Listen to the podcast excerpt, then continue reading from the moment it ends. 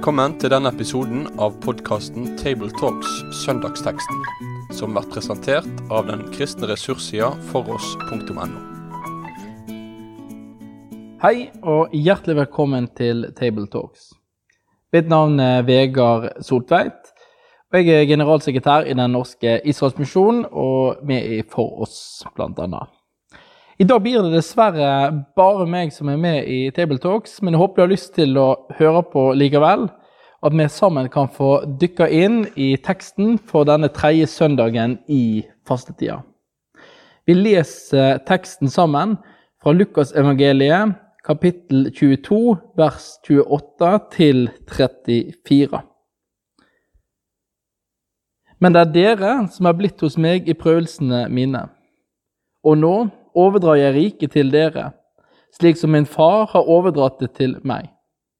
For at dere skal spise og drikke ved mitt bord i mitt rike og sitte på tronen der som dommer over Israels tolv stammer. Simon, Simon, Satan har krevd å få sikte dere som hvete, men jeg ba for deg at din tro ikke må svikte. Og når du en gang vender om, da styrk dine brødre. Peter sa, Herre, med deg er jeg beredt til å gå i fengsel og i død. Men Jesus svarte, Jeg sier deg, Peter, før hanen galer i natt, skal du tre ganger ha nektet at du kjenner meg. Dagens evangelietekst står i en sammenheng der vi er på skjærtorsdag. Vi er rett før påske. Jesus sitter til bord, så han har sitt siste måltid. Det er påskemåltid sammen med disiplene sine. I dette påskemåltidet har Jesus innstifta òg nattverden. Og det skjer en del underlige ting òg i dette måltidet. Rett før denne teksten så leser vi bl.a. at det oppstår en strid mellom disiplene. De begynner å diskutere bl.a. hvem som skal være den største. Eh, hvem er det som skal være størst og sterkest og øverst og leder blant disiplene? Dette blir altså et tema de diskuterer. Ganske underlig å tenke på eh, denne kvelden. Og Jesus han svarer dem med at den største skal være den yngste, og lederen skal være som en tjener. For hvem er størst? Den som er gjest ved bordet, eller den som tjener? Er det ikke gjesten? Men jeg er en tjener blant dere, sier Jesus. Og med det så drar jo Jesus oss inn i et opp-ned-rike et annerledes rike på mange måter. Enten kan vi kalle det for the upside down kingdom, eller det omvendte riket. Disiplene tenker at en leder, det, og den største, det er en som hersker. Og det er jo for så vidt rett. En leder hersker, en leder styrer, en leder leder. Men deres eksempler og deres tanke på hva ledelse i Guds rike er, er annerledes enn det Jesus tar dem med inn i. Jesus han tar disiplene med inn i Guds rikes ledelse. og Der er Jesus sjøl den som er modellen og forbildet. Denne natta som Jesus er sammen med disiplene sine, så leser vi bl.a. i Johannesevangeliet at Jesus har gått ned på kne. Og han har vaska beina til disiplene. Universets prins han som er Israels Messias, han som er alfa og omega, den første og den siste. Plutselig er han på kne i Jerusalem og vasker skitne fiskerføtter fra Galilea. Han som Paulus skriver om, som ikke så det som et rov å være Gud lik, men ga avkall og tok på seg en tjeners skikkelse. Han som kom fra det høye til det lave. Jesus går inn som en tjener. Og det er òg dette Jesus prøver å undervise og ta disiplene med inn i. Dette riket som vi leser om i dagens tekst, som Jesus overdrar til dere, det er et omvendt rike. Og det er dette riket han overdrar til disiplene. Og Jesu disipler fortsatt i dag, sånne som meg og deg. Et rike der vi, som, der vi skal tjene hverandre. Der vi skal hedre hverandre, der vi skal kappes om å hedre, og der vi skal bære hverandres byrder. Det er et omvendt rike, et rike der lederen er òg en tjener. Der Jesus er forbildet vårt. For noen år siden jeg var ungdom, eh, så gikk jeg med sånne armbånd som heter WWJD. What would Jesus do?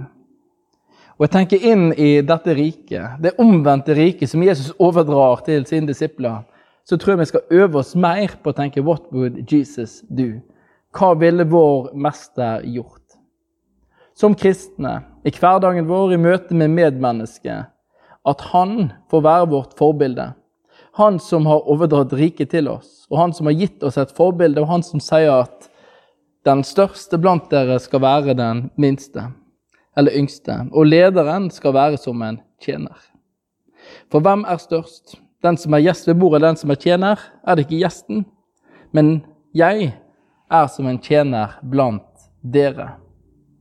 I det omvendte riket så snur Jesus dette opp ned. Dette er vi invitert inn i.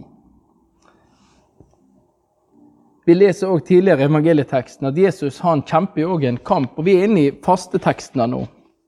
Det er ikke mange søndager siden vi, vi var når Jesus også blir frista av Satan, der han får tilbud om makt og ære. Eh, Jesus står imot denne kampen. Han har andre ting enn makt og ære i denne verden for øye. Og når han har sin bergpreken, så sier han også at de som er salige eller fattige i ånden, de ydmyke, de som hungrer og tørster, og de som er barmhjertige og rene av hjerte, og de som skaper fred, det er de som blir kalt salige av Jesus. Han er vårt forbilde. Han er den ydmyke tjeneren som kommer. Han er den som står imot tilbudet om verdens makt og ære, og gir oss dette forbildet som kristne. Jeg håper jo at verden rundt kan se det at vi er annerledes at vi tilhører et annerledes rike. Det var en kirkehistorie som spurte hvordan kan det ha seg at disse som tilhørte veien, de kristne, i de første århundrene vokste og vokste og kom ut som seiersherre når dette ble statsreligion i Romerriket på 300-tallet. Jo, svaret, et av svarene han fikk, det var jo nettopp det at disse kristne de var annerledes. De tilhørte et annet rike. Et rike som var annerledes på alle mulige plan. F.eks. hvis det kom en pest, en plage til en by, så var det om å gjøre å isolere de som var smitta, og komme seg vekk fra dem. Men de kristne ble igjen. De ble igjen for å binde sårene til de som var syke. De var igjen for å ta seg av de som ingen ville ta seg av. De var annerledes. De var radikalt annerledes i sin diakoni og i sin hjelp mot sin neste. Dette ble lagt merke til og var en viktig faktor for at kristendommen vokste. Folk ble nysgjerrige. Hva er det med disse kristne? De er så annerledes, og de var det på en god måte. Er det ikke det vitnesbyrdet de første får òg, at alle så til dem, og de syntes godt om dem, som vi leser i apostelgjerningene? Et annerledes folk. Et folk der et rike er blitt overdratt, og det er et annerledes rike. I dagens tekster så møter vi Satan i alle tre. Da snakker jeg både om teksten fra Lukasevangeliet 22, fra Det gamle testamentet fra Zakaria 3 og fra 2. Korinterbrev kapittel 12. Det er tekster der vi møter Satan. Satan møter vi ikke så ofte i Det gamle testamentet.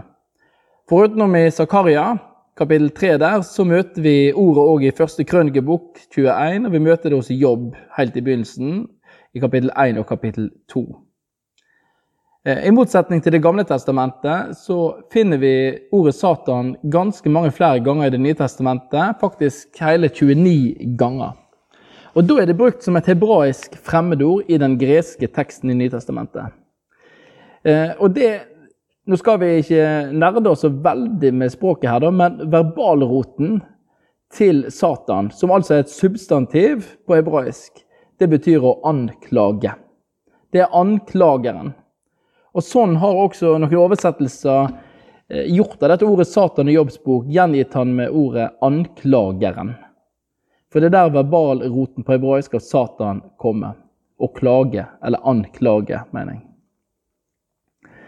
Og I Det nye testamentet så møter vi han ikke bare som en anklager, men Satan møter vi i Det nye testamentet som en fysisk, helt konkret skikkelse som kan snakke. en som kan friste, og en som kjenner Gud og kjenner Bibelen, de hellige skrifter, svært godt. Det er jo sånn også vi møter han når han prister Jesus i ørkenen. Han kan jo sitere skriftord. Altså, han er slu. Han kjenner Skriften, han kan utgi seg for å være en lysets engel. Han kan framstå god, men allikevel så er det den gamle slangen som kommer. I Zakaria så møter vi òg øverstepresten Josva. Og Der står Satan og prøver å anklage han og ta han. Og Jeg har lyst til at vi skal lese den teksten sammen fra Zakaria. Det er altså fra Zakaria kapittel 3. Han viste meg øverstepresten Josva, som sto foran Herrens engel. Men Satan sto på hans høyre side for å anklage ham. Herren sa til Satan, Herren refse deg, Satan.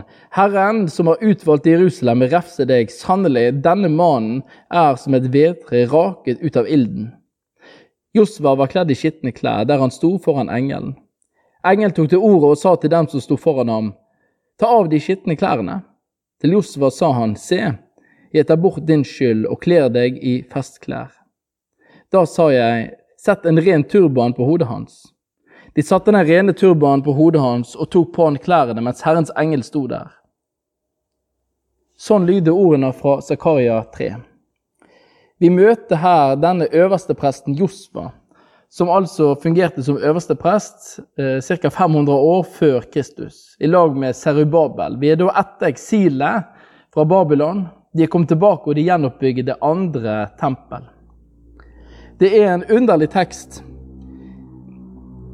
der står altså Josfa, som står foran Herrens engel, og Satan står ved siden av og anklager.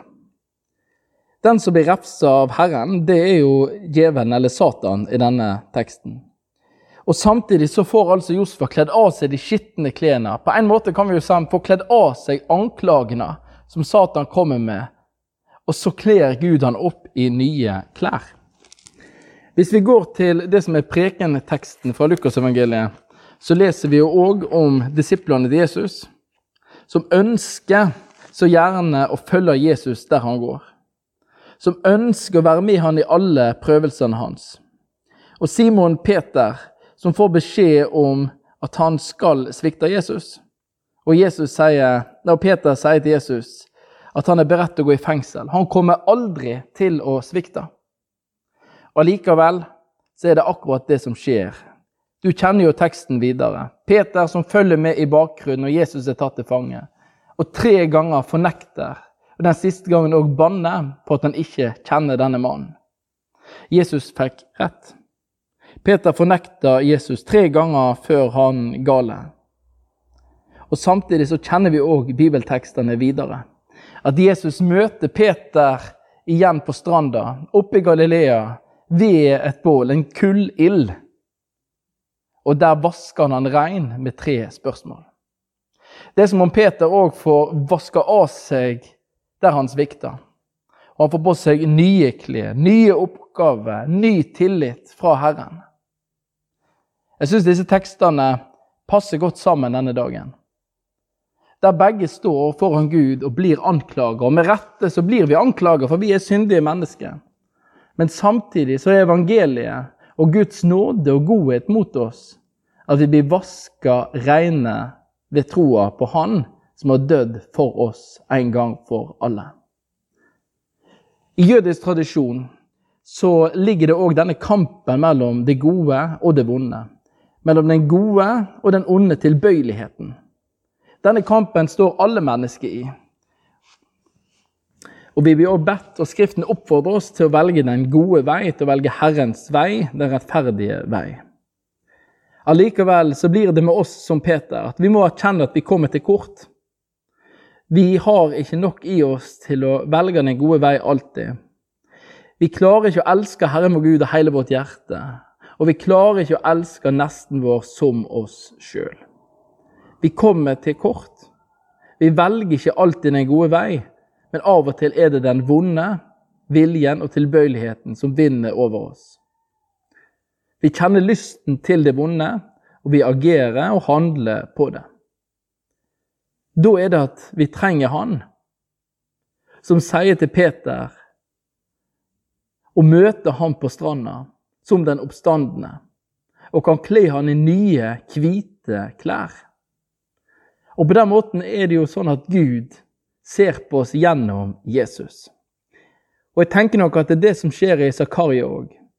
At Josva, øverstepresten, står der, og Gud kan se han gjennom Jesus, gjennom nåden, gjennom evangeliet.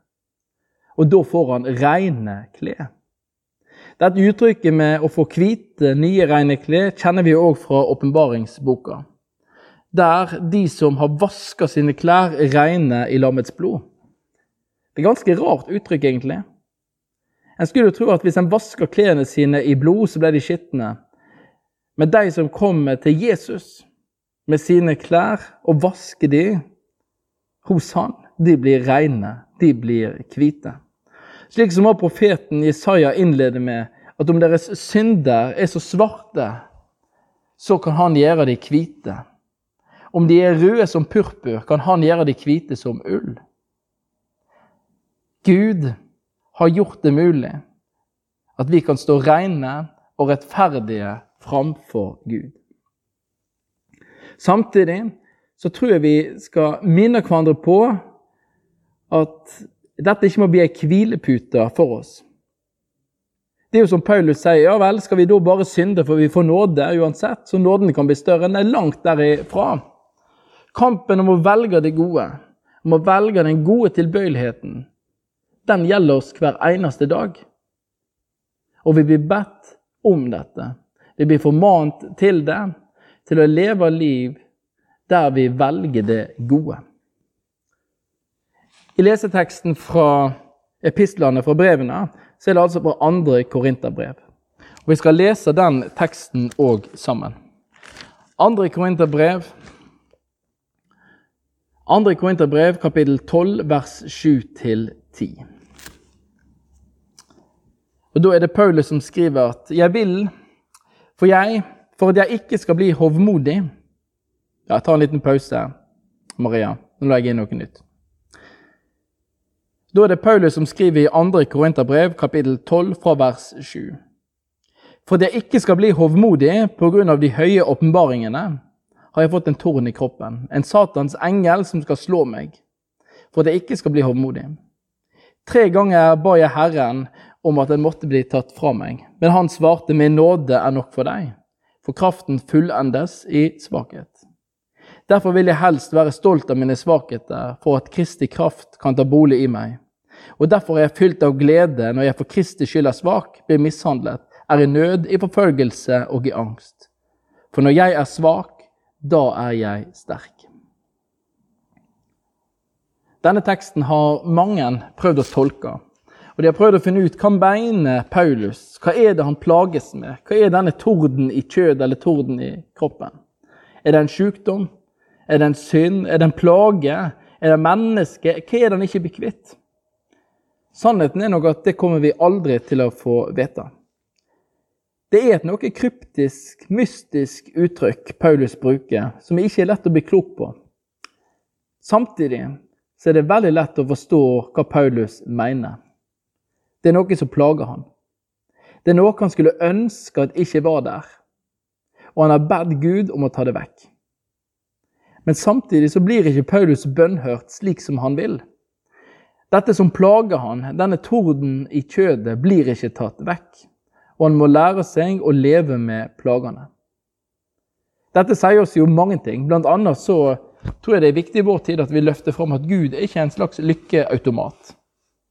Det er ikke sånn at den som hører Gud til, eh, ikke har noe problem i livet. Det er vi ikke lovt. Er snarere tvert imot. Jesus sier jo at den som vil leve gudfryktig, skal bli forfulgt. Og Her òg er vi inne med Paulus. Det er noe som plager han, og det går ikke vekk. Han er nødt til å lære seg å leve med dette. Og Det hender òg at vi mennesker i dag må lære å leve med plager, og vi må lære å leve med vanskeligheter. I dette så ligger det jo òg det som Paulus sier i begynnelsen, at det ikke skal bli hovmodig. Det er klart at Paulus hadde fått store og høye åpenbaringer. Men samtidig var Paulus òg et menneske. Og han var bare et menneske. Han var en synder sånn som meg og sånn som deg. Og han bekjenner jo faktisk sjøl at blant syndere er han den største. Han trengte Guds nåde for at han ikke skulle bli hovmodig. Så tolker altså Paulus dette inn at derfor har jeg fått noe i kjødet, noe som plager meg, for at jeg ikke skal bli hovmodig. Det er ganske sterkt sagt. Og så avslutter han jo med å beundre Gud, som har gjort dette. Som ikke har bønnhørt Paulus og tatt vekk det som plager han, men nettopp lært Paulus å måtte leve med det vanskelige, leve med det som plager han. I dette så sier Paulus at han er sterk. For da kan altså Kristi kraft ta enda mer bolig i han. Det er ikke nok Paulus, men det blir mer av Kristus. Det blir som Johannes døperen sier, at han skal vokse, jeg skal avta. Og Det, det er litt det jeg leser også at skjer med Paulus her. Dette som plager han, dette som holder han nede og gjør at han ikke blir håndmodig, det gjør at han er nødt til å slippe mer av Jesus til. Og sånn har jo Gud òg valgt det. Han har valgt at den svake skal være sterk.